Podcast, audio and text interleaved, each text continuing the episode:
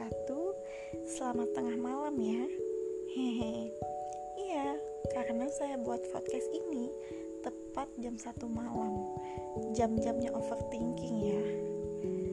Sebelum berhalu di tengah malam ini Izinkan saya memperkenalkan diri saya untuk kesekian kalinya.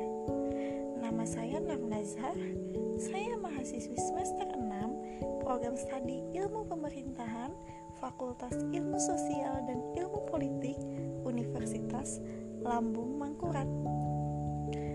Tujuan podcast ini tentu saja tugas dong. Iya, betul. Podcast ini bertujuan untuk memenuhi ujian tengah semester mata kuliah pemberdayaan masyarakat desa yang tentunya mata kuliah ini diampu oleh dosen saya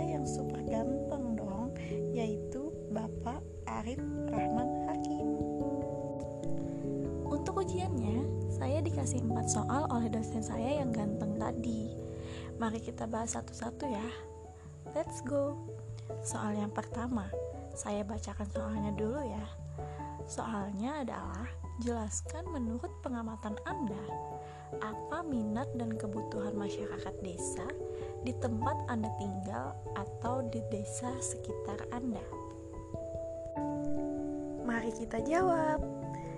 Menurut pengamatan saya ya, hmm, saya mengambil desa keluarga ayah saya, yaitu di Desa Muara Dadahub, tepatnya di Kecamatan Kapuas Murung, Kabupaten Kapuas, Kalimantan Tengah. Dari pengamatan saya sih, minat dan kebutuhan masyarakat di desa tersebut berupa berlanjutnya sebuah pendidikan. Kenapa? Seperti yang kita ketahui, pendidikan itu sangat penting kan teman-teman.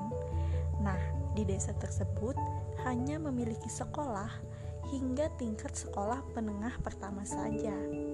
Jadi, jika ada masyarakat yang ingin melanjutkan ke sekolah menengah atas maupun perguruan tinggi, masyarakat di sana harus pergi keluar dari desa tersebut, seperti di daerah e, kecamatannya atau daerah-daerah yang lain. Makanya akan lebih bagus dong kalau desa tersebut juga menyediakan pendidikan hingga tingkat sekolah menengah atas. Oke, udah cukup soal yang pertama, kita masuk ke soal kedua ya. Nah, pada suatu desa itu kan ada sumber daya alam berupa kelautan kan. Nah, kelautan tersebut berpotensi untuk dijadikan wisata. Akan tetapi, masyarakat desa tersebut belum memanfaatkannya untuk aktivitas pariwisata. Jadi, soalnya adalah jika saya berada di desa tersebut, maka apa yang akan saya lakukan? Mari kita jawab. Jika saya berada di desa yang memiliki potensi desa pariwisata berupa sumber daya alam kelautan, maka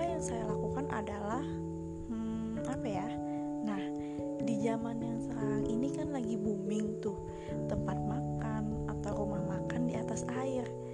Nah, hal tersebut bisa dijadikan pariwisata dong. Terus bisa juga seperti pasar terapung, susur sungai, beserta area berkumpul keluarga dengan nuansa di atas sungai. Um, sungai tersebut juga bisa dijadikan area tambak ikan. Gitu aja sih menurut saya. Hehe. Memasuki soal yang ketiga. Nah, pada suatu desa itu terdapat masyarakat yang sangat beragam. Agamanya beragam, sukunya beragam, bahkan strata sosialnya pun beragam. Nah, karena keberagaman itu mungkin bisa terjadi konflik yang bisa saja antar masyarakat di desa itu bertikai. Sebagai pemuda atau pemudi di desa tersebut, apakah yang akan saya lakukan? Mari kita jawab. Oke, pada soal ini tentunya kita nggak boleh hanya rebahan kan? Karena rebahan nggak akan menyelesaikan pertikaian antar masyarakat. Hehe. Udah saatnya serius nih.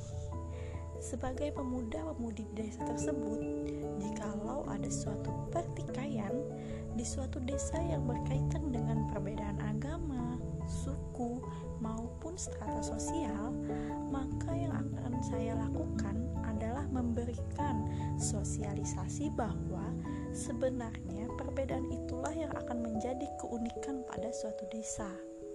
Karena kita ini bineka tunggal ika, yang artinya berbeda-beda tetapi tetap satu jua dan kita perlu mengajak masyarakat untuk melakukan diskusi dan memperjelas pokok masalah yang ada dan menyelesaikan masalah tersebut dengan kepala yang dingin.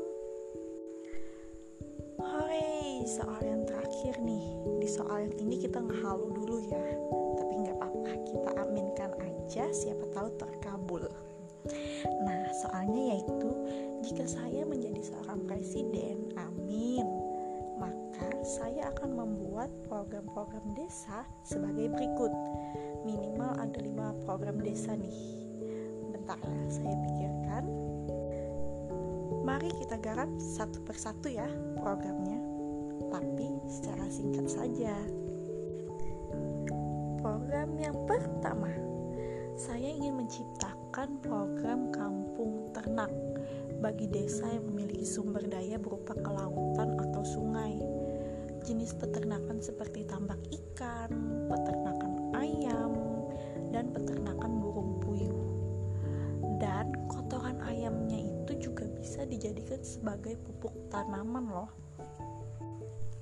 Lalu, program yang kedua yaitu Desa Sehat. Program ini berupa adanya gedung olahraga di setiap desa yang bisa digunakan oleh masyarakat desanya seperti yoga untuk ibu hamil.